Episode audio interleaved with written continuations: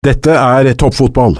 Hvorfor ler dere hver gang jeg prater opp med Obos? Nå må dere ta dere sammen, alle tre. Jeg mener har fått det laget til å overprestert noe så inn i gamperæva. Spill 23 minutter. 4-0. Faen. Det gjelder jo ikke bare tipping, men altså folk flest er idioter. Eh, det er mulig, ja. Han kommer ikke til å gå gratis. 96 flasker med, med øl skulle de ha for han.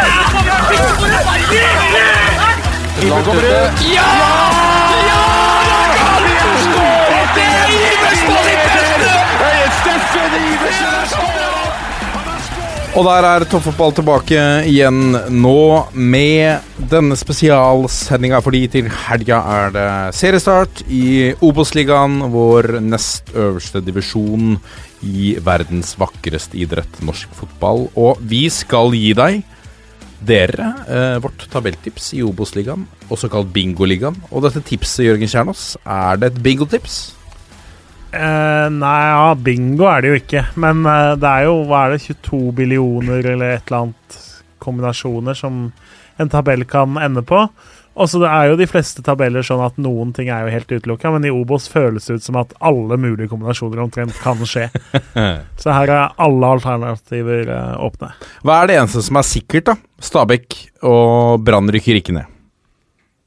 Ja, det gjør det nok ikke. Det er vel det safeste du kan gå for i årets liga, at de to ikke ender på direkte nedrykk. Ja. Men uh, det føles ganske mye tryggere at Bodø-Glimt ikke rykker direkte ned, enn at Stabæk ikke gjør det, for å ta en sammenligning. Ikke sant? Ok, vi begynner i, eh, i bunnen av Obos-ligaen, og de som da vi tror eh, er nødt til å ta den tunge veien ned i Post Nord 2023.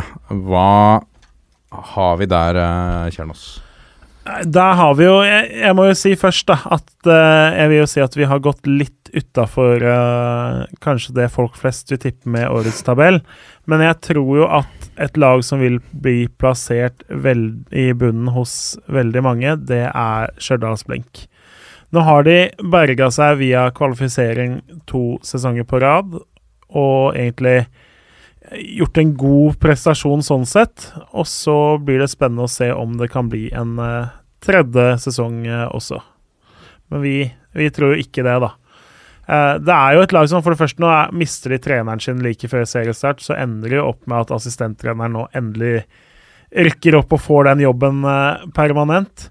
Og så er det, som vi har snakka om mange ganger, at det, det er mye sånn for, for Blink å være i Obos-ligaen, det er egentlig en litt overprestering. Det er et lag som tradisjonelt sett hører til ett eller nesten to nivåer lenger ned. Mista en del spillere som var litt viktige sist sesong. Så har de henta de har henta litt sånn ranheimsk, hvis det går an å si det sånn. Altså Jørgen Solli fikk ikke bli med Jerv opp, så da kommer han til Blink. Det er en god signering. Ivar Solli Rønning ferdig på Færøyene, da kommer han dit. Madusan Sandra Komar er jo ikke trønder, men kommer fra Levanger og har vært bra på vingbekken der, så det bør være en forsterkning.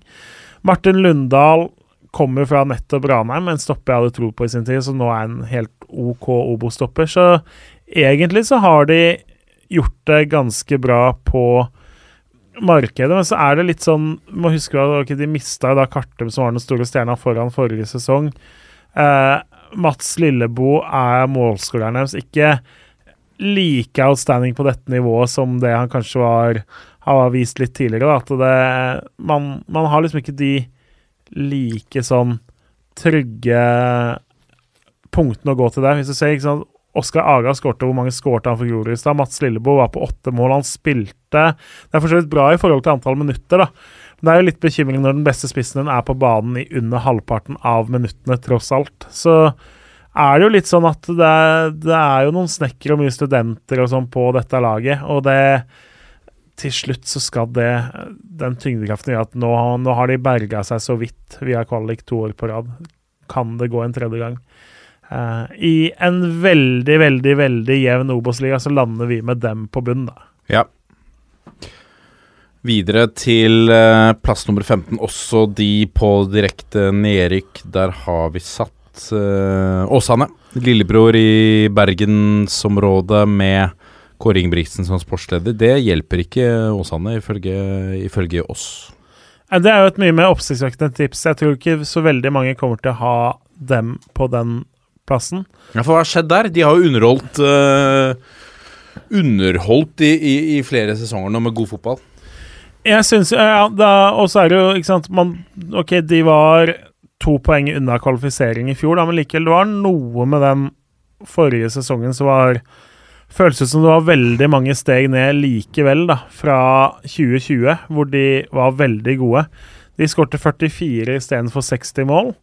Og så er det Jeg vet ikke. Det, altså for det, det er jo oppsiktsvekkende. Det er, er fire-fem lag som gir deg mye lavere odds på å rykke ned enn Åsane. La det være sagt, da. Uh, jeg tror Ida Lysgaard for så vidt er en bra keepersignering for noe, At det er litt styrka der. Så kommer da Erling Myklebust inn som spiss. Vært veldig god i andredivisjon og skåra masse der. Er han spissen som skal skåre her? Kanskje, kanskje ikke. Morten Gahns Pedersen er en av de mest interessante overgangene som er gjort i år. Uh, for det første så må han ha en helt sjuk motivasjon i kroppen sin når han all, altså Han har så mange millioner på bok. Han har nå to år bak seg i Alta eiendomsdivisjon, og så graver du fram motivasjon til å liksom flytte til Bergen og spille ja, han, på, han, går veien opp igjen, han nå? Ja, nå er han på vei oppover igjen. Så det, hvem veit når han er om ti år, når han er fylt 50 og Altså, en god signering, men krever en rolle som den han har hatt i Alta, hvor han har veldig mye ball og alt skal innom han, han er fus i alt. For at det skal funke, så er unektelig tempoet i Obos ganske mye høyere. Så om det skal funke Jeg, jeg er ikke jeg, jeg, skjønner tanken. Jeg skjønner hva Åsane har tenkt. Føles ut som han vil ha inn en spiller som passer inn og kan være spillende. Og man vil ha inn en rutinert mann som hever disse talentene. Men om det funker, det er jeg jo fortsatt da ganske i tvil om. Uh, så nei, det, det, er noe med det. Men det er altså, så er det ikke helt lett å bli altså, klok på det laget. Nå skal, må du huske at de har mista i tillegg til at Valsvik forsvant for ett år siden, så har han mista Simen Lasten, som gjorde den usynlige jobben ved siden av. Den midtbanen er litt svekka nå. Det er mye spillere som flyttes rundt om, og mange som er lovende, men så har det ikke vært noe sånn stabilitet. Altså Ryan Dogman, god på sitt beste, men flyttes rundt der nå mest back. Bjarte Haugsdal brukes i 100 forskjellige posisjoner. Eh, Senai Hagos bra på sitt beste, men det er litt sånn stopp og start og litt småskader litt ut av laget og litt sånn ikke helt sammenheng. Så Altså, det er mye bra ved det Åsane-laget. Det er veldig mange spillere her som kan være interessante for bedre klubber. Sindre Austvold er jo et monster på stoppeplass og enorm fysikk. Men jeg tror jo at de ikke klarer å leve opp til de to sesongene de har hatt, med femte- og sjuendeplass.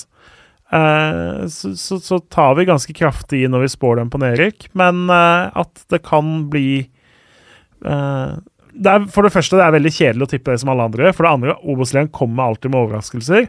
For det tredje, Åsane ser ikke bedre ut enn at en plass blant de fem-seks nederste er ganske trolig.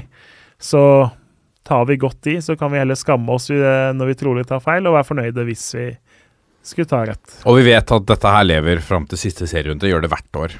Ja, det er jo ofte lag som er med i si, kamp for å unngå nedrykkskvalik og kamp for å ta opprykkskvalik fram til det er 90 eller 180 minutter igjen. Det er, så. det er så sykt å være en liga, liga, hvor du to sesonger før slutt vet ikke om du skal forberede deg på Post Nord-ligaen eller potensielt Eliteserien neste år. Ja. Det er, det er noe av det vakreste jeg vet om med, med denne ligaen. Vi går en plass opp, 14.-plass, og eh, på eh, kvalik, altså, eh, for å holde seg i Obos-ligaen. Der har vi plassert nyopprykkede Skeid. Ja, nå hadde jo Da de var oppe sist, så ble det jo masse hjemmekamper andre steder. Det ble liksom ikke helt det momentumet som man ville ha der. Så har de jo sånn som ting ofte er for Skeid, som er jo en liten klubb i den forstand at de må veldig ofte se de gode spillerne sine få bedre tilbud andre steder. Sånn har det også vært nå. Abel Stensrud kom inn som en komet på høsten og ble toppskårer i andre divisjon i fjor. Forsvinner til Odd. Eh, Simen Hestnes var veldig viktig for dem på midtbanen. Eh, jeg hadde han på årets lag meg, i eh, Post Nordligaen. Forsvinner til KFM, som eh, kan tilby ting som Skeid ikke kan tilby. Så Skeid har jo en plass i fotballens hierarki som ikke er første- eller andresortering. De må ofte ta de spillerne som større klubber ikke titter på i utgangspunktet. Men så har de jo klart å beholde da Fredrik Bergli, som har vært en strålende stopper eh, for dem nå de siste sesongene, og kommer til å bli veldig god også her. De, jeg trodde jo Anders Gundersen skulle være førstekeeper for dem i fjor fordi han var kjempegod for uh, Moss sesongen før. Han tapte jo den kampen mot Lars uh, Kvarekvål, som for meg ikke sant? Jeg trodde han skulle være andrekeeper, man regna med han skulle være andrekeeper, så kommer han inn og er kjempegod egentlig for dem. Så veldig spennende å se hva han kan få til her. Mm. David Hickson som uh, wingback, fantastisk. Egentlig mer offensivt anlagt enn det. De har også henta noe altså Bendik Riise har vært god for Hødd lenge i andredivisjon. Erik Nordengen har vært det samme i Fram Larvik. De henter jo på en sånn lav hylle når vi ser på klubbene de henter fra osv. De går, på, går ikke opp i Eliteserien, eller de henter ikke Morten Gams Pedersen, da. Men uh, henter likevel nyttige spillere. Og så har de bl.a. Altså Markus Melchior, som er tidligere Vålerenga junior. Har litt sånn Osame Sarawi-vibber. Ja. Veldig liten. Eh, nydelig teknikk og en sånn lekenhet. Han hadde jo den her Rabona-assisten i ene treningskampen, blant annet. Hvor du slår ballen Altså du tar sparker med beinet bak den andre foten osv. Kjempefint. Jakob Napoleon Romsås ser jo ut som han faktisk kan lede troppene litt framover. Det er ikke bare navnet som, eh, eller mellomnavnet som fenger med han. 2004-modell. Tatt veldig, veldig steg i løpet av vinteren og ser ut som en av de mest spennende spillerne som er her. Og så har jeg hentet noen som liksom Morten Rene Olsen kommer jo fra Ole Martin sitt Strømmen. Er best på venstre wingback, men kan brukes andre posisjoner. De har gått veldig i denne tanken om at uh, de har kanskje ikke råd til både en som er alternativ på venstre wingback og et par andre plasser, så la oss hente spillere som kan være begge deler. Og så har de jo Jonny Budusson, som er en enorm målskårer. eh, og Og har vært en- tilbake der det har funka aller best, da, i Skeid. ja, ikke sant? Det er jo i Skeid han har vært ordentlig god gjennom karrieren, som du sier. Og det, men det er klart, nå har, Sten, nå har man ikke Stensrud som alternativ. Og selv om Gabriel Andersen ofte tar sjansen når han får den som innbytter, så er det jo en svekkelse når du mister mannen som med ganske få minutter og få kamper fra start blir toppskårer i hele andre divisjon i fjor. Mm. Så Skeid noe bra, noe mangler som følge av at det er Og så har jo da henta en del ungt fra Vålerenga, også spillere som ikke har fått sjansen der. De har jo også et andrelag i tredjedivisjon som de skal drifte seg. En ganske stor tropp med mange spillere, og man håper noen tar steget fra det laget og opp, da. Der har de jo henta inn? Både Osmane Touré og Miran Kuchi har spilt litt for Vålerenga i andredivisjon fra før av. Håper man at de skal kunne bli Obos-ligaspillere der. Yasir Saad samme. Liksom Tre unggutter fra Vålerenga, spilt andredivisjon for dem. Kanskje ikke Obos nå, kanskje de er det om ett år. Eh, det er jo sånn Skeid må drive, og det er Ja, det kommer jo alltid opp noen der som tar steget. I år så kan det bli Jakob eh, Napoleon Romsås som er den mannen man får eh, merke der. Spennende. Så skal vi en plass opp, og der har vi eh, eh, et lag som veldig mange blir kjent med gjennom eh, TV-serien. Grorud har vi plassert eh, på sikker plass i år. Det blir eh, toppfotballveien Johan uh, Jønnes Nilsen selvfølgelig eh, veldig fornøyd over. Eller tror du han foretrekker at vi tipper de nord og ned igjen? Jeg tror han har vært veldig fornøyd hvis de endte på en 13.-plass. Jeg tror Grorud er nøkterne og realistiske nok til å tenke at en 13.-plass denne sesongen her, det hadde vi tatt hvis vi eh, fikk den muligheten. Så er jo det et tips som kanskje igjen går litt mot hva andre tenker, fordi ser du på spillere ut, da så Du har mista Oskar Raga, som skårte sånn ca. 180% av målene deres, føltes det ut som. Eh, altså, han, helt vanvittig statistikk på det han gjør. Og så Christos Safaris, da, som havner i Haugesund og ser ut som han kan bli en profil i Eliteserien. Så har du henta spennende at Didrik Sereba var veldig god og skåret masse for Asker i fjor. Blir jo da mannen som på mange måter skal erstatte Oskar Raga. Men så har de jo også Bjørn Martin Kristiansen, som de henta fra Nordstrand, og som tok veldig steg i fjor. Så henter de eh, Peder Mehn Johansen, som debuterte for som 16-åring for Sandefjord. Nå skal han inn på midten.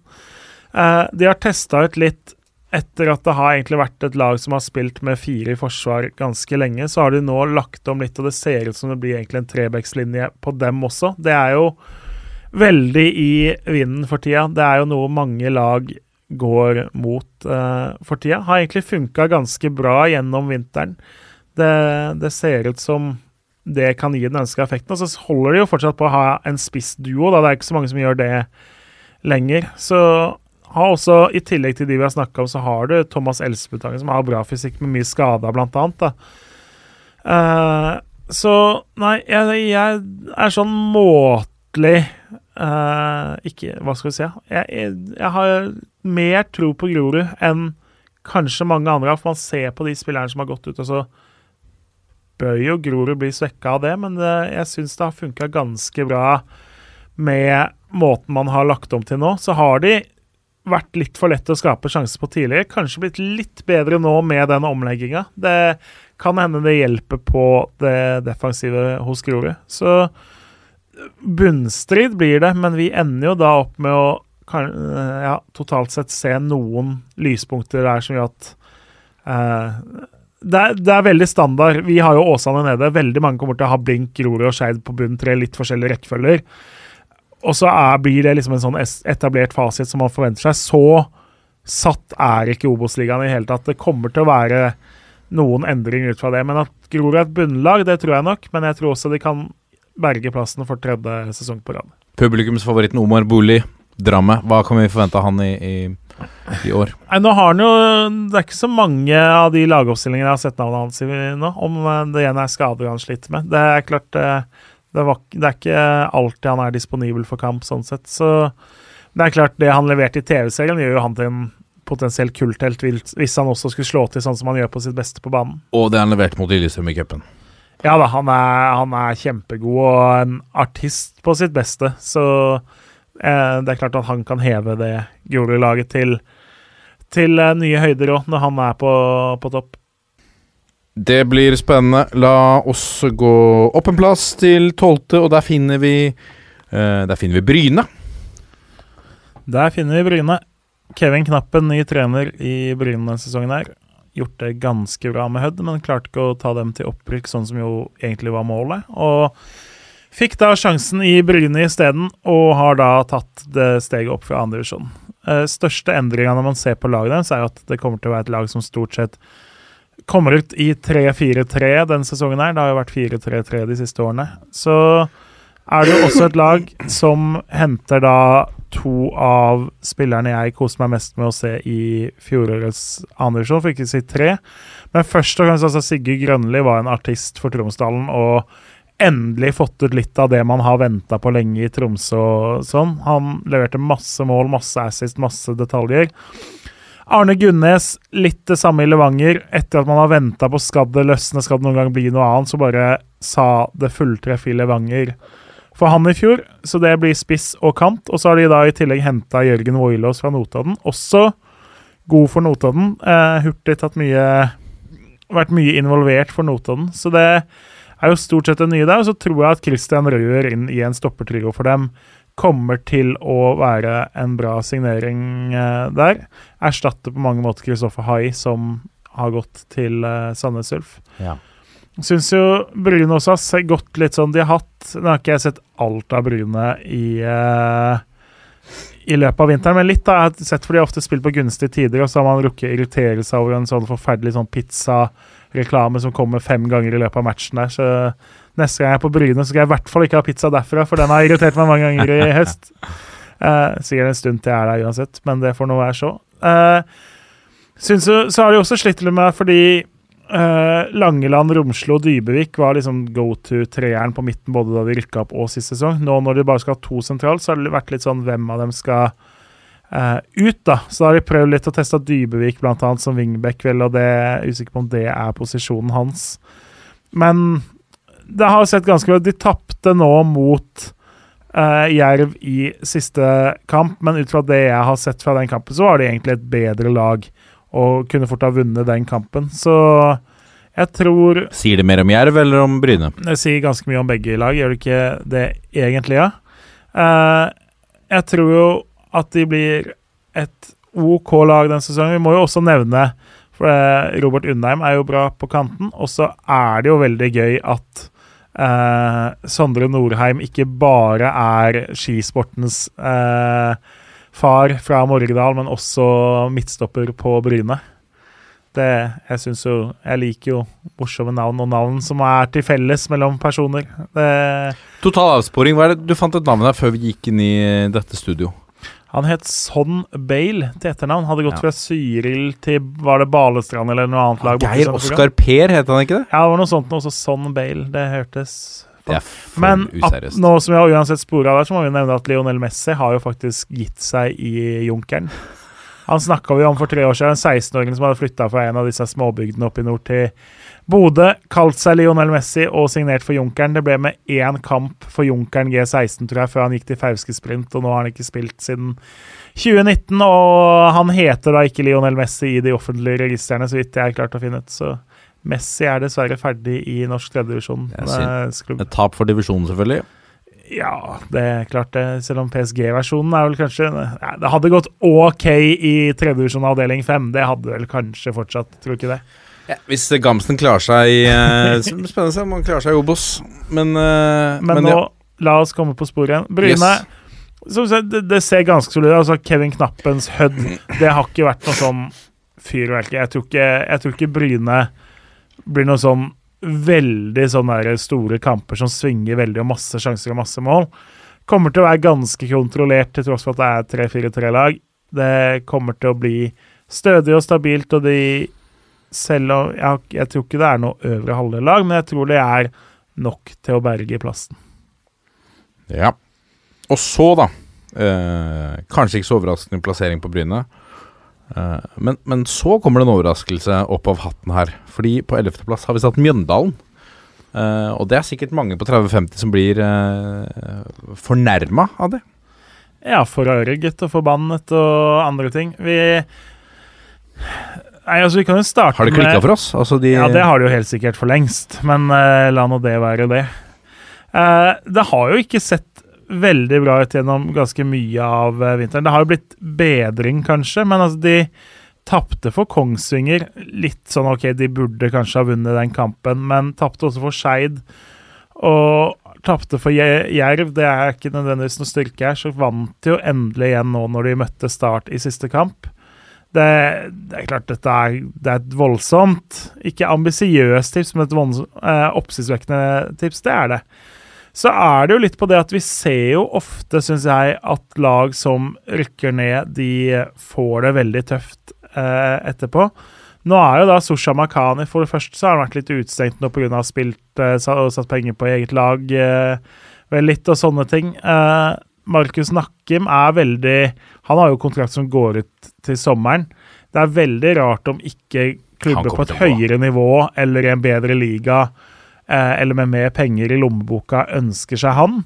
Og da, nå har det jo endt opp med at uh, Adrian Alexander Hansen, altså sønnen til trener Vegard Hansen, kanskje er da den som er nest best på stoppeplass der og blir Nakkims makker i vårsesongen, da.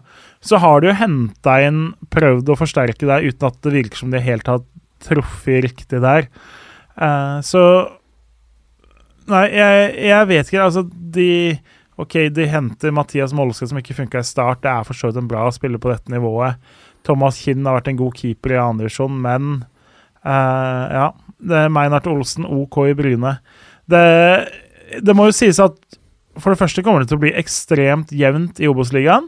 Så har de jo da De har jo både Benjamin Stokke og Kent Horovar Eriksen til spissplassene. Det blir spennende å se hvordan de skal komponere laget sitt uh, der. Sannsynligvis er det bare plass til én av dem av uh, gangen. Har en mye yngre stall nå. Mjøndalen hadde jo sist de rykka opp, så hadde de egentlig en ganske bred stall og ganske mye erfaring. Nå har jo mye av den der eh, kontinuiteten forsvunnet. ikke sant? Fredrik Brustad er Stian Åsmundsen er borte. Kristian eh, Gauseth har forsvunnet. De har mista to av sine beste spillere i Lars Olden Larsen og Niklas Valstad tilbake til Eliteserien. Det, det, er tøft å putte dem på en ellevteplass. Altså, det kan være en grov bom, men jeg syns det er I en særdeles jevn Obos-liga, så er det i hvert fall noen lag som ser ut som mer topplag enn dem. Og så kommer vi snart til to-tre lag som de aller fleste ville ha putta under Mjøndalen på tabellen, som kanskje gir mening, men uh, vi har endt opp med å spå at i en uforutsigbar liga så kan det bli en skuffelse for uh, Mjøndalen. Ja, og da er spørsmålet overlever Vegard Hansen 11.-plass i Obos-ligaen? Nå virker det omtrent som han har en evighetskontrakt, og, men det er klart hvis vi sier at tipset vårt skulle treffe, så er det jo spennende å se hvor de går uh, derfra. Det er det. Ja. Så går vi eh, videre til uh, Kongsvinger, som er tilbake i uh, Obos-ligaen. Og Obos-ligakongen uh, skal fortsette å hamre inn mål. av den Gyven.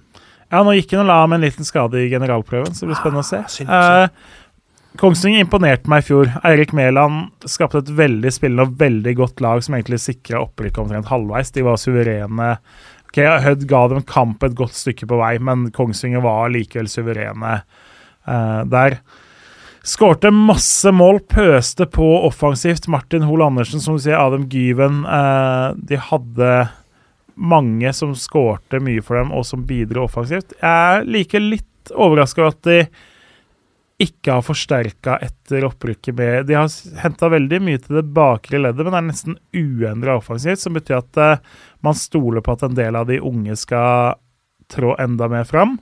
Så har jo Harald Holter sannsynligvis ut for sesongen med en alvorlig skade. Han er, var en veldig viktig del av det Kongsvinger-mannskapet, så det er et tungt tap som ikke er eh, nesten mulig å erstatte, og som ikke er forsøkt erstatta omtrent heller godt for Når man ser hva de har henta inn, så er det jo nesten sånn at det virker som at uh, det har vært en regel om at Kongsvinger de får egentlig bare lov til å hente midtstopper i løpet av vinduet. De får ikke hente noe annet. Det skal du til Kongsvinger i år, så skal du være midtstopper. Hvis ikke så slipper du ikke inn. De har jo da henta altså, Fredrik Holmé fra Vålerenga, som jo er stoppere som egentlig aldri fikk sjansen der. Christian Jahr. Fredrik Holmé, spennende stopper. Veldig spennende. Også Christian Jahr, som jo har 100 år i Obos-ligaen, og som har vært god for Strømmen. Mm. Og Lars Christian Krogh Gerson, som kommer tilbake. Fikk jo ti minutter var det vel for Brann i fjor, men er jo opprinnelig fra klubben, så naturlig at han kommer tilbake nå. Eh, ellers er altså Tobias Bjørneby fra Sogndal var ikke noe Har langt igjen til sin far, da, og var, var jo ikke noe særlig for Sogndal i fjor, syns jeg. Fikk, var jo egentlig ikke i elveren, det heller. Og så er det Marius Aamodt Eriksen som er en framtidssignering. Det er egentlig det de har gjort i vinter. Så kjenner jo på at ok, tiendeplass er nesten litt frisk, fordi jeg hadde regna med at det skulle komme inn en eller to eller tre mann der, da. Eh, på midtbanen. Kan hende det kommer en nå? Det kan jo hende. altså vi vet jo at uh, Espen Nystuen er, er, jo glad i å jobbe med overgangsvinner fram til siste slutt, så jo, det er en brukbar sjanse for det. Spesielt hvis Gyven-skaden skulle sette han ut i noen uker nå, så får den nok fortgang der. Ja.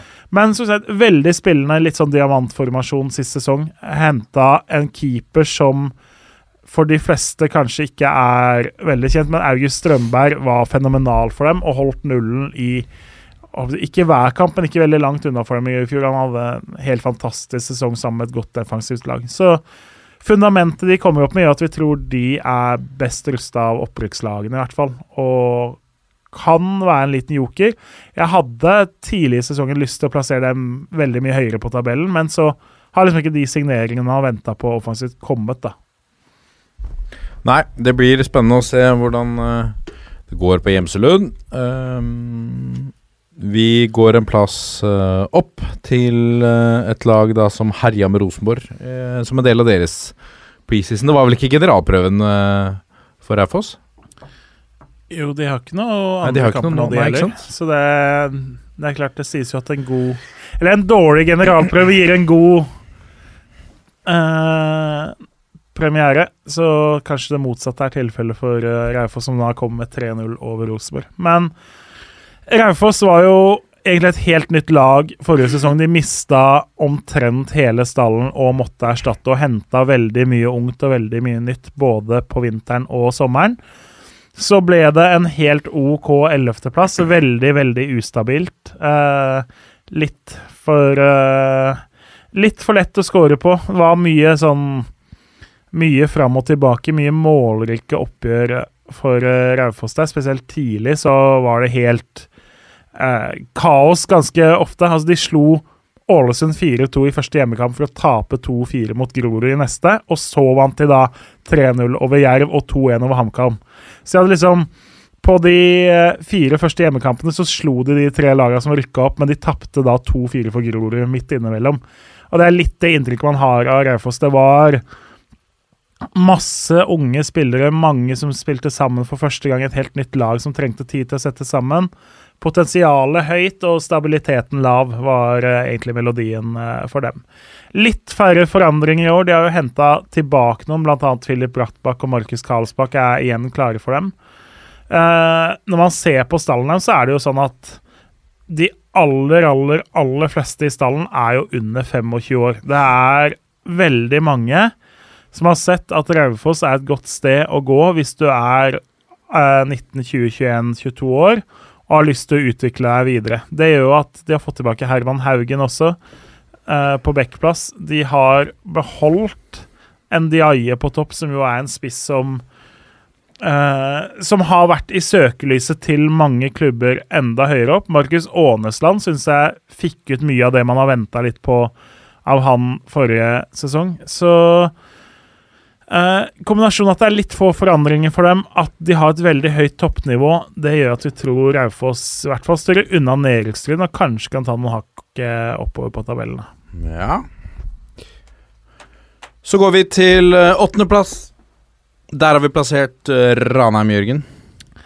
Ja, Ranheim har jo litt sånn Ikke generasjonsskifte, men litt sånn at man ser det er spillere som har vært med lenge, som forsvinner ut naturlig. De var jo veldig lenge en eh, samla enhet. Nå er det ikke så mange av dem nå, annet enn eh, Adria Mateo Lopez. Men mange av disse unge trønderne også, som har vært en del av dem, og som de har hatt inn, har forsvunnet ut. Og så er det ganske lite nytt inn på Rana. De har henta Henrik Kristiansen, som er en god signering.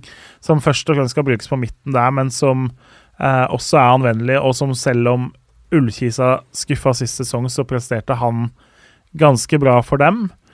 Eh, de har fortsatt mange av de som har vært med lenge, altså Christian Eggen Rismark, Erik Tønne.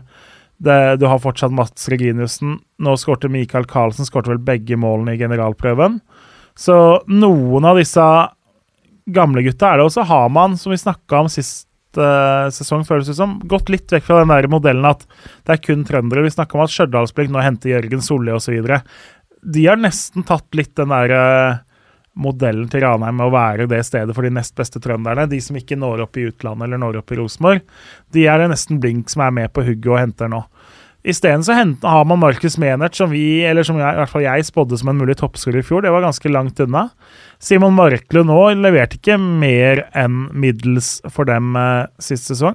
Så har de spennende spillere som spesielt Vegard eh, Erlien syns jeg har veldig mye spennende ved seg offensivt og kan bli en profil og kan være en spiller som kan ta steget et hakk opp i eh, divisjonene. Litt usikker på det defensive. Da er det ganske mye ungt og nytt og lokalt hos spillere som de har løfta opp fra eget juniorlag den sesongen her. Det henger jo litt sammen med at det var jo ikke kjempeimponerende defensivt av dem eh, sist sesong, tross alt. Og det ble jo en nedtur forrige sesong. Eh, man Det er nesten sånn at det føles lenge som hvis du hadde spurt folk, da, så hadde det gått og spurt 100 fotballinteresserte mennesker hvor endte Ranheim på tabellen i fjor, så tror jeg faktisk ganske få av dem hadde svart at jo, det ble faktisk en tolvteplass. Eh, det var faktisk bare fem poeng ned til nedrykk og tre poeng ned til kvalik. Og så kan du si at eh, det var også bare åtte poeng opp til opprykkskvalik, og de tapte fem av de seks siste kampene, og før det så hang de med der. Mm. Men en tabell eh, er nå ferdig når alle kampene er spilt, og totalen Det var altså 62 baklengs. Det er et helt sykt tall. Eh, et lag som uh, har såpass mye erfaring og såpass mye kvalitet, og så slipper de inn over to mål i snitt. Til gjengjeld så skårte de jo også 56, som betyr at det var faktisk det femt beste offensive laget. Men Ranheim og Start var litt sånn to lag som skilte seg ut med Potensialet er mye høyere, forventningene er høyere, kvaliteten på mange av spillerne er høyere, men spillmessig så funka det altfor sjelden, og de gangene det ikke funka, så var det ja, altså det, det, var et kaoslag både offensivt og defensivt, og de hadde noen kamper som var total hjerneblødning på altfor mange sammen. Så den store oppgaven for dem har vært å få et kollektiv som fungerer defensivt. Vi må forvente oss bedre, men jeg er spent på Ranheim, rett og slett. Ja. Det blir uh, De er jo i den posisjonen, da, som du vil altså En åttende, en niendeplass. Du kan like gjerne havne på en eliteseriekvalik som nede i nedrykkssumpa. Uh, en plass opp og et lag som ikke vil være fornøyd med denne, dette tipset, er eh, Fredrikstad. Tapte, eliteseriekvalikene i fjor mot, uh, mot Koffa til slutt. Ikke gjort de liksom, største investeringene nå foreløpig på overgangsmarkedet for å forsterke stallen. Er det sånn at man tenker at okay, dette vil holde til De har vel egentlig satt seg ambisjonen om, om topp to, eller? Ja, altså, det, Jeg er litt usikker på hva de har uttalt der, egentlig. Men det er klart et lag som Fredrikstad vil det i hvert fall være forventninger til at skal være med oppi der, da. Og som du sier, det er ikke de store forandringene. Den store forskjellen er jo at uh, Ishmael har da blitt solgt til Lorea og blitt lånt ut videre til Vålinga, som jo er et kjempetalent, og som virkelig slo ut i blomst for dem uh, forrige sesong. Obelor Okeke er henta inn på mange måter som en erstatter. Han lynhurtig fikk et kjempegjennombrudd i andredivisjon for Asker i fjor. Sønnen til uh, tidligere Stemmer. norgesmester på uh, jeg må innrømme at sprint er ikke min øvelse, altså. Men uh, Aha Mokeke må da ha ganske mange sprint-NM-gull. Det vet tro Var Jeg- han i Ertsgård-tida, eller? Skal vi se, Han har vunnet Nei, må vi sjekke. Han har vunnet NM på 100 meter seks ganger. Yes. Så uh, Vi har altså en venstrekant hvis far er seks ganger Norges uh, raskeste mann. da. Og har mange av de Du ser jo at han har de genene i seg, er lynhurtig og evner å bruke det bra, men det var i andredivisjon. Det er mange som har sett veldig bra ut i andredivisjon og ikke funka like bra på nivå over. Så er det noe med det Nå er f.eks. Ricky Alba sannsynligvis ute med en skade en stund. Eh, det har vært en vinter hvor noen av de har trøbla litt sånn. Det, det Fredrikstad-laget er Det er en ganske bra tropp, men så er det noe med at i fjor så hadde man litt det momentumet som nå kanskje er litt vanskelig å toppe igjen, da. Uh, at det ble litt mye skal det, litt forandring og litt sånn Der hvor opprykkssesongen så funka alt i fjor, så funka det veldig lenge, og så skal vi ikke sitte her og si at en fjerdeplass og en opprykkskvalik er skuffende for dem, og de hang med i kampen om direkte opprykk veldig lenge. Men de starta jo fantastisk sist sesong, og så, når da alt skulle avgjøres, så vant de en av de fem siste kampene, og det var den siste. De gikk, tok ett poeng der fra runde 26 til 29, og det var da opprykkstoget gikk. Så ikke en nedtur i det hele tatt, men når du ligger der, og så møter du Åsane hjemme og taper for dem, og så taper du for Sandnes Ulf, og så er det da den her finalen holdt på å si mot Ålesund, så får du 2-2 i baken på overtid der, og opprykkshåpet egentlig bare forsvinner ut av hendene dine. Så det endte jo som et, en form for antiklimaks hele sesongen etter at uh, det i over et år har pekt uh, oppover igjen for dem, da. Ja, virkelig. Men det er klart, altså Thomas Drage, masse kvalitet på dette nivået, en god spiller. Henrik Kjelsrud Johansen vet du hva er i stand til. De har jo navnene, og de har jo kvalitetene, men som sagt, i Obos så handler mye også om det å bare ha flyten og få det gjennom. Jeg er litt usikker der på om Fredrikstad har det. Nå har de noen hatt en del skader og noen resultater som ikke har vært helt hurra uh, her. Og så er det jo interessant at de henter da inn en unggutt fra tyrkisk fotball, og så ender det jo likevel opp med at når de spiller uh, treningskamp mot Grorud i Spania og har en del skader, så kommer da både fysioen og den fysiske treneren innpå før den nysigneringa. uh, skal det sies at både Torvald Bertelsen og Håkon Wæler har spilt tredjedivisjon bl.a. ganske nylig, da, så det er ikke som at de liksom har Nei. De har ikke putta inn på Gunnar og Per på 62 år. Men likevel, det er noe med å sitte på benken og være nysignert, og du ser at fysioen blir bytta inn eh, foran deg. Uansett om det Det var i forsvar du trengte noe, du er kantspiller, så eh, det, er, det er ikke det beste for selvtilliten til en ung spiller som kommer til et fremmed land. Det kan det jo ikke være. Jeg håper ingen fortalte han egentlig at dette Men han møter jo de folka, så det Nei, den Jeg vet ikke helt om det var helt riktig å gjøre sånn. Det er klart det er gode grunner til det. De hadde skader og har spilt kamper, og det handla om å unngå å bruke halvskadde spillere for at det skulle bli verre skader osv. Ser den. Men likevel, som sagt, det er, det er noe med det signalet som ikke er helt optimalt, da. Det kan vi vel eh, si. Det er ganske vilt, faktisk. Ja, vi får håpe han uh, kommer seg, eller kanskje han ikke fikk med seg at det var fysioen. Uh... Det har, at spilleren vi snakker om da, er jo mannen med det fantastiske navnet òg, da. Innocent Kingsley. yes. Uh, det er et magisk navn. Det er klart det, Du er frista bare til å kjøpe han egentlig bare på navnet, sånn i utgangspunktet, da. Så Ja. det, det er jo noe med det også. Men nei. Fredrikstad, bra, men er det bra nok i årets liga? Det gjenstår å se. De gjør det. Vi skal til sjetteplass, og uh, Jørgen Isnes, på tross av uh, Altså, han er vel det navnet nesten som nevnes oftest i forbindelse med alle ledige jobber, i hvert fall i Eliteserien. Uh, han er fortsatt i Koffa, og nå er det noe Altså Etter de siste spekulasjonene var vel med Sarpsborg Lotte, så gikk han ut og sa at han har ingen ambisjon om å forlate Koffa. Han, han skulle bli og fortsette å bygge dette. Ny stadion er på vei på Ekeberg. Eh, de ser vel konturene nå av at her er det muligheter for å spille seg opp. Eh, vi har de på en sjetteplass. Hvilke tanker har du rundt det, Jørgen? Nei, KFM har jo blitt et ganske stabilt lag på øvre halvdel, tross alt. Det er jo ikke så mange sesonger siden vi snakka om hvem er det som skal ta den ledige plassen som Oslos nest beste klubb. Der har Koffa kommet opp. De rykka fra Andersson i 2018 og fant at fjerde, åttende og femteplass de to, tre siste sesongene. Det viser hvem som har tenkt å ta den plassen. Og det drives jo godt på Ekeberg.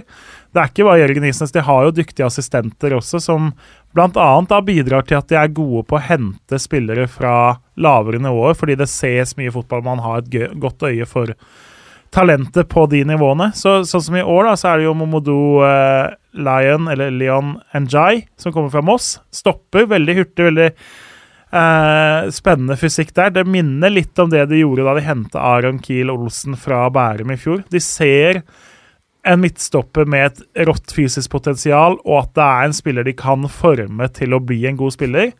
Eh, jeg tror det er en veldig, veldig klok signering av dem. Og så har de jo også, når vi snakker om Njai, så er jo Bilal attraktiv på kanten her. Så henter de jo da De fant jo ut at det er liksom ikke nok med to Njay på laget. Eh, skal man først ha Njay, så må man ha eh, mer enn to.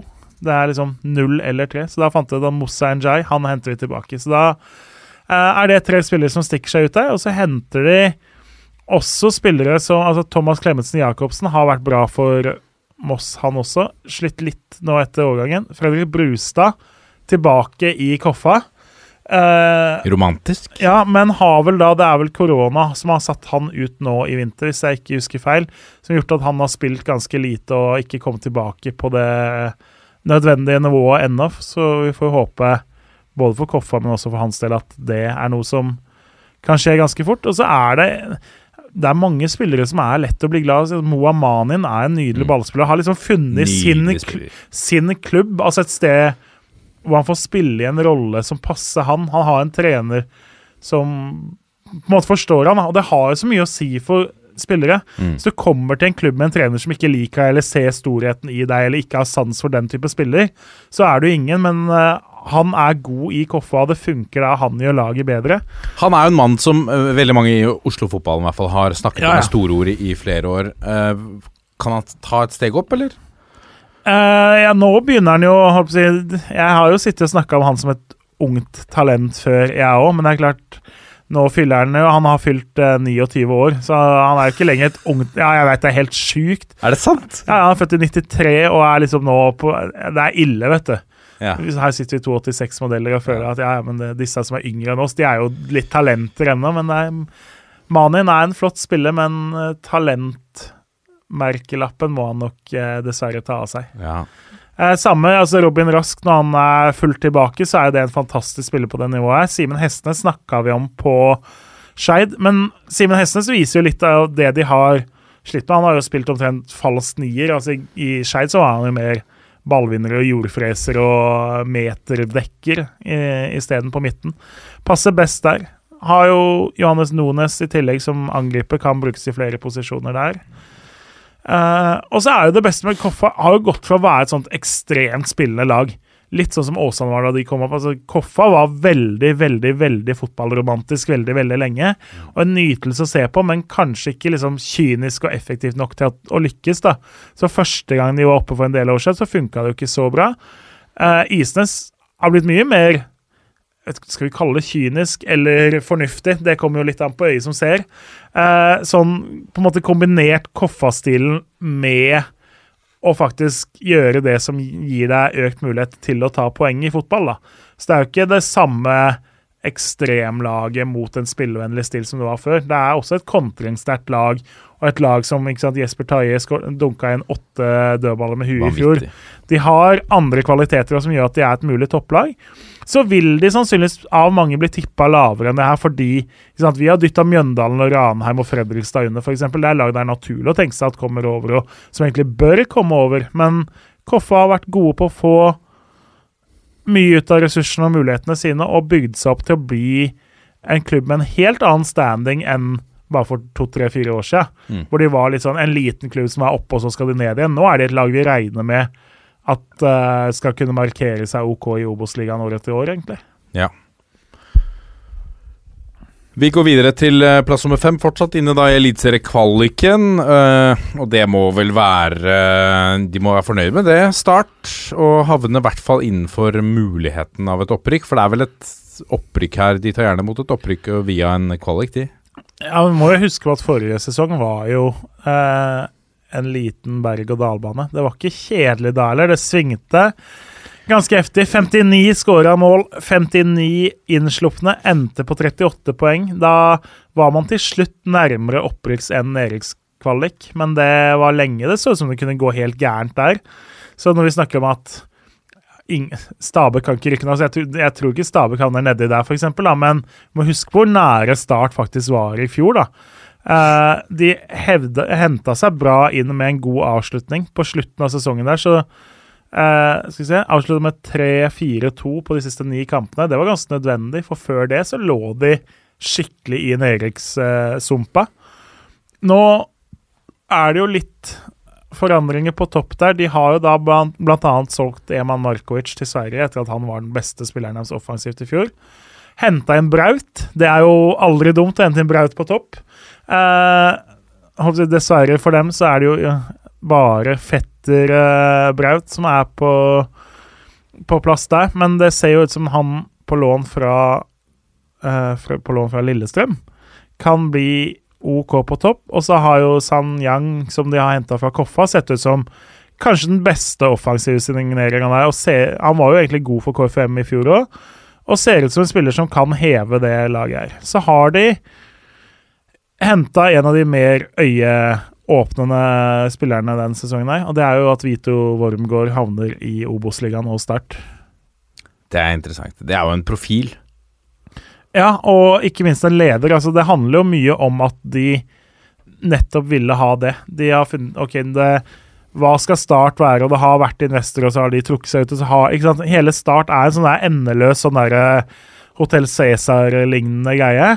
Nå har man funnet at det man skal, er jo Man må satse på de unge. og Nå skal man på en måte løfte fram de, men for at de unge man har, skal bli bedre, så kanskje man trenger noen ledere til å holde litt i trådene og samle hele greia. da. Og du får jo ikke så mange bedre kandidater enn Wormgård, sånn som han var i Ålesund, og sånn som han ikke minst var i Brann, enn det. Så spennende signering der, tror jeg. Så har de jo henta eh, også Mathias Grundekjern, en av mine favoritter i annen divisjon, fra Fløy. Det er jo litt på tide at de uh, Hvis Start skal være Sørlandets lag, og nå er de bare nest best for Jerv er på nivået over, så må man også hente de beste unge fra Uh, fra Arendal, fra Fløy, fra Don, fra sånne klubber, og klarer å få mer ut av de. Det er jo en lang prosess, men Grundetjern var i så måte en naturlig spiller å hente. Uh, beholdt Kristoffer Tønnesen, som er jo har Er det sønnen til Frank? Hvem han er sønn av? Det var, han er sønn av sin mor og sin far, si. Uh, Frank Tønnesen, legenden på høyrebekk. Ja, har vært aktuell for mange klubber i Eliteserien som ser potensial i han. Har blitt uh, værende i, uh, i sør. Og, men så er det, ikke sant Den der Sindre Kjelmeland har en ganske ambisiøs stil, han og det funka ikke helt optimalt i fjor. Som sagt, 59 baklengs og mye kamper hvor de var svake. De hadde en del tap på hjemmebane mot lag som eh, Startfans neppe anerkjenner at de skal drive og tape fotballkamp mot, men likevel så gjorde det sånn. Og så var som sagt siste halvdel av sesongen en opptur, så jeg tror Start blir et bedre lag. Jeg tror de melder seg på i toppen, men om det er nok til å være et opprykkslag, det er vanskelig å si ennå. Ja, det er spennende. Nå ble jeg oppsatt her på å finne ut om eh, Om Kristoffer Tønnesen er i familie med, med Frank, om det er sønnen også. Um, Ja. Det er eh, vanskelig. Jeg kan opplyse om at eh, Frank Tønnesen eh, han fikk 125 kamper for Start uh, før han trakk seg tilbake. Til daglig jobber han nå som SFO-sjef ved Vågsbygd SFO. For de som lurer på hvor Frank Tønnesen er i dag. Um, vi går videre til uh, fjerdeplass, og der har vi uh, Sogndal. Er det godkjent eh, debutsesong av uh, Tor André Flo i neste øverste liga? Havner på fjerdeplass der. Ja, det vil jeg si, for det, når vi snakker om at Start skuffa i fjor, og vi var litt skuffa over Ranheim i fjor, så hører jo definitivt Sogndal og det de gjorde sist sesong, inn i den samme kategorien. Det, det blei en liten Hva skal vi si En veldig forglemmelig, litt død sesong. Det var ikke de store høydepunktene å samle på fra den sesongen. Så Tor André Flo kommer inn, forhåpentligvis litt ny giv, og så henter han halve Island, blant annet, og henter et par spillere fra lokale klubber som er, ser spennende ut. Eh, Jeg syns de Det er ikke liksom de store overgangene hvis du ser på navn og se på klubb-CV-er og sånne ting, men hadde tross alt en stall som det burde vært mulig å få litt mer ut av i fjor. Ok, de ble nummer seks og tok den siste kvaliken, men det var altså med 42 poeng på 30 kamper. Sogndal hadde ambisjoner om å være et veldig mye bedre lag enn det. Så Tor André Flo ser ut som det skal bli 4-4-2. Ser ut som han har tenkt å få i gang og har en plan for å få i gang bl.a. Kristoffer Hoven, som har skåret mye mål for dem, men liksom ikke aldri hatt helt den derre 100% tilliten. Så må de jo erstatte da bl.a. Daniel Eid og Kåre Adams. Så Sogndal har en jobb med å heve seg, men det ser ut som at Tore André Flo har i hvert fall gjort laget spillmessig bedre. Og så er jo spørsmålet om stallen er god nok. Stallen på papiret er, mener jeg kanskje er litt svakere, men kanskje den er bedre sammensatt ut fra hvordan han faktisk vil spille, framfor eh, i fjor hvor det føltes ut som han fikk litt for lite ut av det man faktisk hadde, da. Ja. Tor André Flo, ikke den Altså, hva skal vi si? Ikke den øh, mest verbale treneren, eller den som stikker seg ut sånn sett. Han er jo en, en, men han er jo en profil mest på bakgrunn av hva han har gjort som spiller. Kommer inn nå fra Chelsea. Kommer vi til å merke han som trener i, i, i Obos-ligaen? Kan han være med på å dra opp, øh, dra opp oppmerksomheten her? Ja, det tror jeg jo han uh, vil gjøre, men uh, ikke merkes i sånn forstand at du ser ikke for deg Tore André Flo stå og brøle unødvendig mye på sidelinja. Så sånn sett tror jeg ikke vi vil merke han, men ja, at det er et navn som de aller, aller fleste kjenner, og som vil bidra til litt mer oppmerksomhet, det er det jo. Så går vi videre da til, eh, til topp tre. og her har vi plassert Brann. Og de Altså, gullet skal hjem. eh, om, om eh, eh, sam, Samme om det er Obos-liga eller Eliteserien. Eh, en tredjeplass i Bergen, det vil ikke falle i, i god jord. Men hvis de ender med opp med et rykk- opprykk, så er vel det det viktigste uansett her. Ja, det er det jo så klart, og det, jeg tror jo vi omtrent er de eneste som ikke har de topp tre, men uh, Obos-ligaens veier er uh, vanskeligere å kjøre på. Vi har det på topp tre. Vi har det ikke Ja, på topp tre, topp to, mener jeg. Eh, så er det klart at vi kunne jo Det burde ha vært lagd egentlig en spesialpodkast om Brann 2021-sesongen. Både på veldig mange nivåer så var jo det en Jeg tror, ikke jeg, jeg tror ikke jeg orker mer. Vi snakka så mye om det. men, ja, det var Men så mye da, fasetter. eh, hvis vi om ti år skal sitte og spille inn episoder av liksom klassiske norske fotballsesonger, prøve å stjele denne When We Were Kings-varianten og lage, så er jo Brann 2021 en av de mest interessante sesongene å starte med. Jeg tror vi ville hatt den ganske tidlig i en eh, norskifisert versjon der. Ja. Det må jeg si. Uh, så endte det jo da opp med nedrykk på absurdest mulig vis. Altså den kvaliken mot Jerv der går jo inn i norsk fotballhistorie på når, når du trodde at kvalik ikke kunne bli sjukere enn Lillestrøm Start, så kommer da Brann Jerv og bare tupper det ned fra pallen og sier sorry, ass, men uh, det fins både ett og to nivåer til og, av sjukhet. Uh, ufortjent etter 90 minutter at de rykker ned, men sesongen isolert sett så fortjente jo Brann å rykke ned. De var jo dårlige foran mål, dårlige på sånne ting. Vi snakka jo masse om dem at de har expected goals-tallene som var bedre, og så videre, men jeg mener at over 30 kamper så får de jo stort sett som fortjent, da, og det er ikke alt som vises i eh, statistikk over hvor store målsjansene var, og hvordan kampen burde ha endt hvis den ble spilt på en PC. Hvordan så du på expected drinks? Var det de, de ja, expected scandals var i hvert fall ganske høy. Ja. Eh, der havna de omtrent på nivå med det som var forventa, si. Eh, men årets utgave Jeg syns jo de viser litt muskler når de henter da Niklas Castro fra Ålesund som sist, foreløpig siste signeringa. Han har vært litt ute i kulda, da. Det er klart Han har jo ikke funka like bra i Ålesund som det han hadde da han vel ble årets spiller i 2019-sesongen. I Obos var fantastisk da. 2020 så var hele Ålesund dårlig, og i fjor så var det en del benk og innhopp og tatt av tidlig og litt sånn fram og tilbake med Castro. Så det, det har ikke stemt egentlig de to siste sesongene, men man vet jo hvor god han kan være her. Når man da i tillegg Du har da Aune Heggebø, som bør være den spissen som kan skåre masse. Bård Finne, eh, litt det samme. Man har en del av de spillerne som kanskje ikke i selve spillet er så ekstremt gode, men som kommer til sjanser og kan fordele det. Så har de titta mot eh, Danmark, henta da Andreas Skovgård som den mannen de håper skal være stoppersjef. Eh, bra leder og bra, sannsynligvis en bra Obo-stopper, Om han er bra nok hvis de rykker opp, er mer tvilende til, men den tid osv. Eh, Sven Krone på høyrebekken derimot ser ut som en veldig veldig god signering, og kanskje en spiller som kunne heva mange klubber i Eliteserien. Der tror jeg de har truffet bra. Rota litt på høyrebekken fra før, og så bør det funke. Sivert Heltene Nilsen på midten trenger jo ikke snakke så mye om, for det vet de fleste hva står for. Mathias Rasmussen syns jeg også fant litt seg selv etter å trøble i starten der. Så har de da henta Vegard Leikvoll Moberg som Bra Kanskje blir den siste brikka på midtbanen. Det er jo egentlig en veldig bra midtbane. Litt i tvil er Mathias Dyngeland keeperen igjen. Brann har jo Vi på Team Holmen Johansen håper jo at det endelig er vår tur, da. At Eirik Holmen Johansen skal uh, ta på seg hanskene her. Men det ser uh, altså dårlig ut. Team Holmen Johansen er vel omtrent det eneste laget som har gjort det svakere enn Team Brann de siste årene, så det Det er synd, det er synd at du sier tung, tungt lag å være på, dessverre. Men ja, altså Dyngeland var jo kjempegod i sin tid.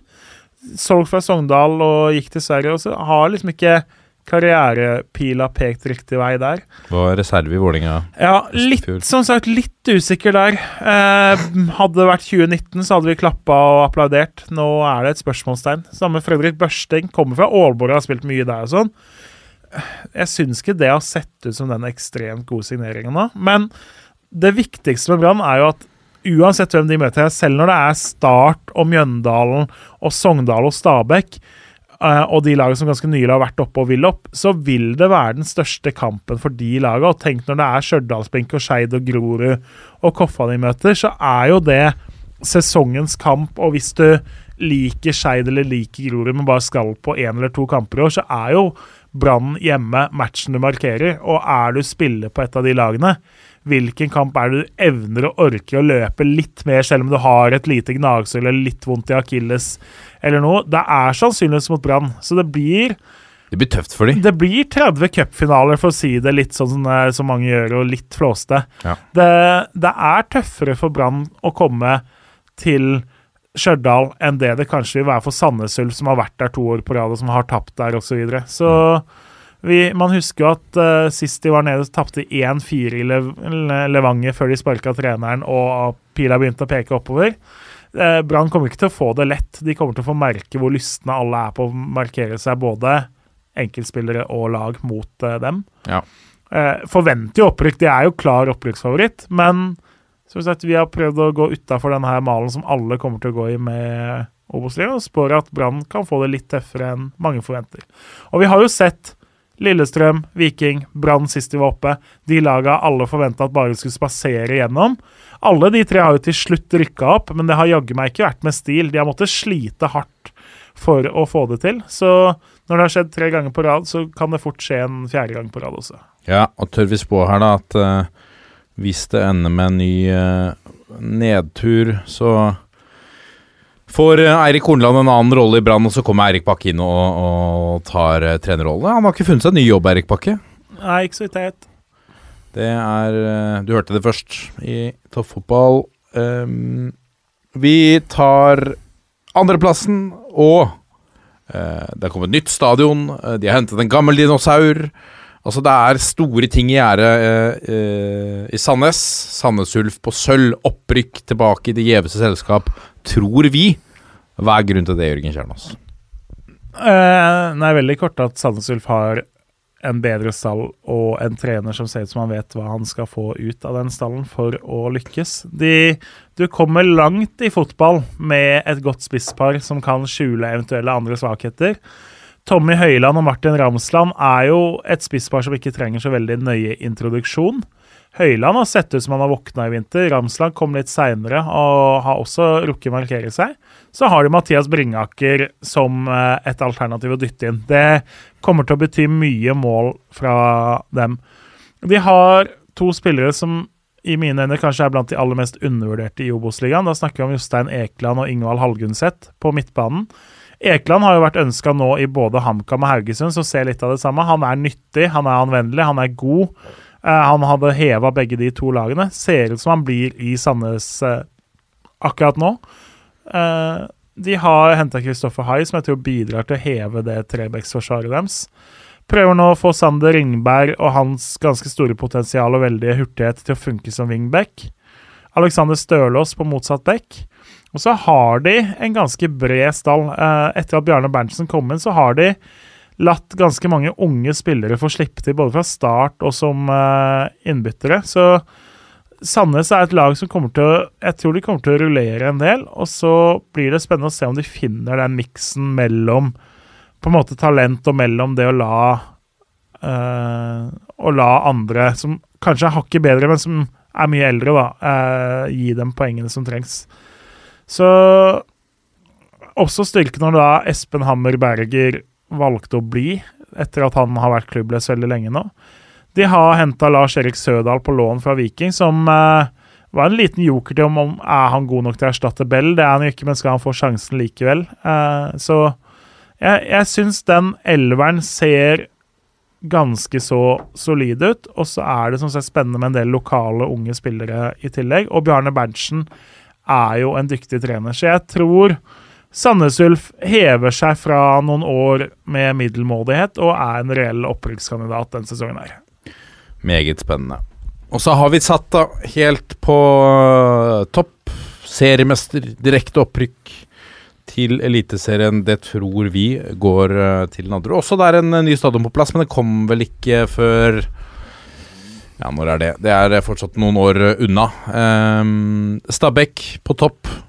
Um, er det Er det Nå har jeg ikke sett uh, på hva som har kommet inn der, Jørgen. Har vi fått noen nye spennende? De har jo mistet Markus Solbakken, blant annet. Ja, men de har jo tenkt veldig på rutine og spillere de er trygge på at kan levere når de har henta. Og da tenker jeg jo først og fremst på Fredrik Krokstad og Nicolay Næss. Ja.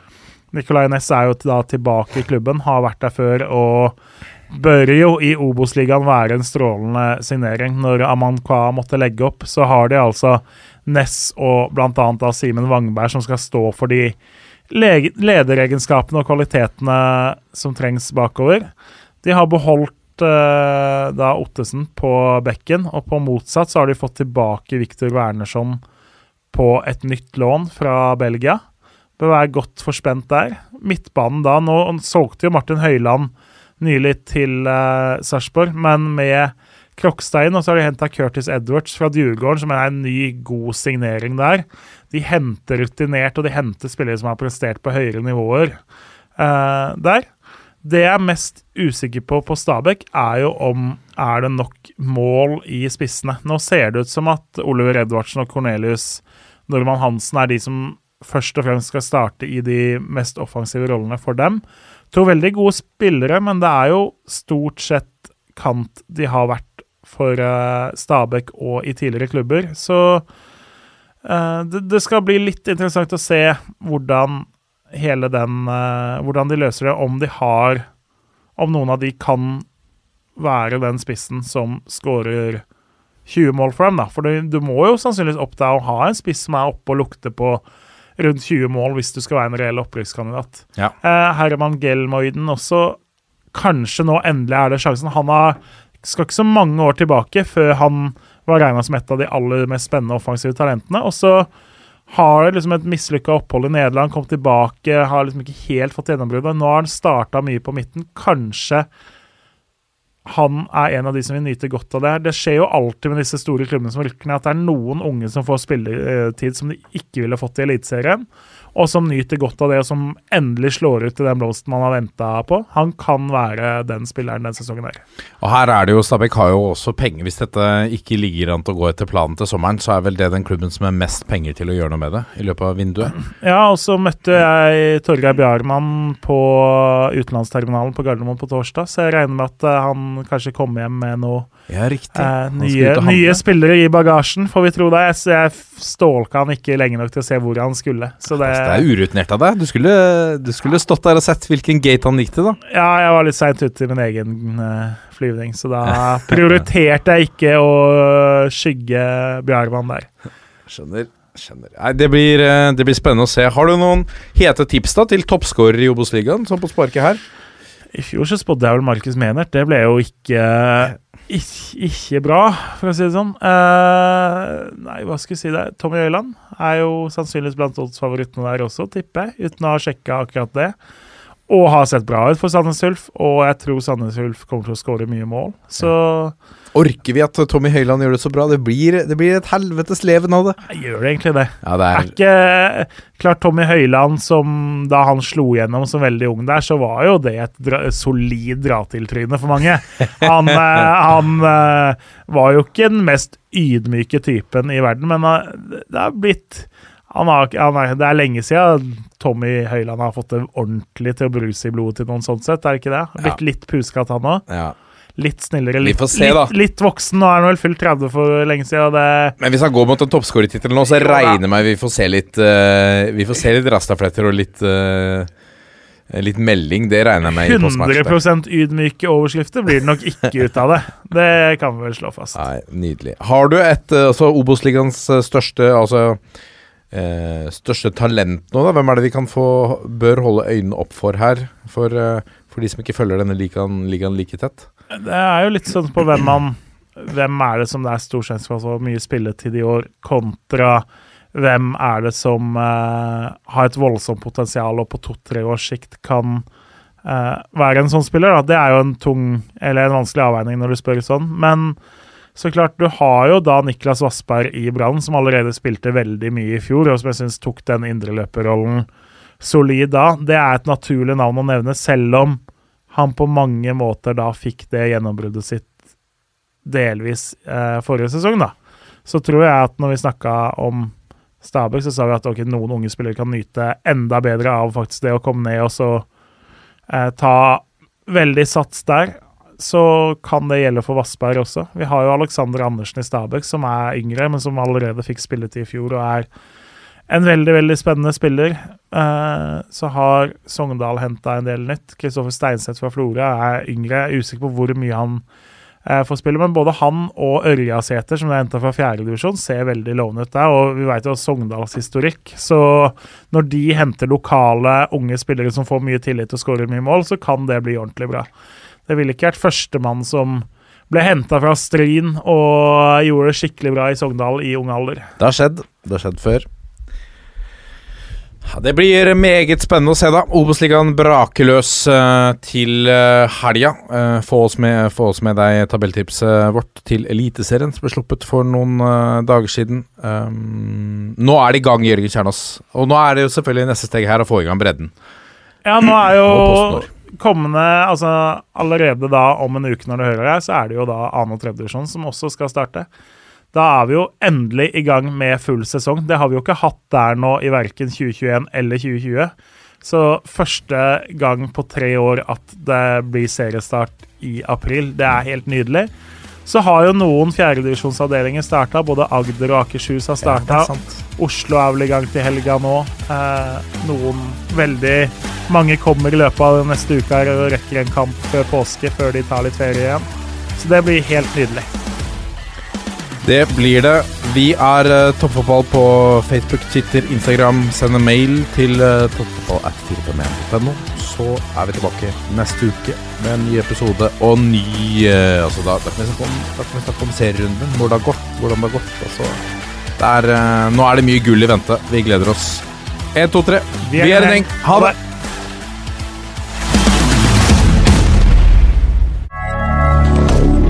Moderne media.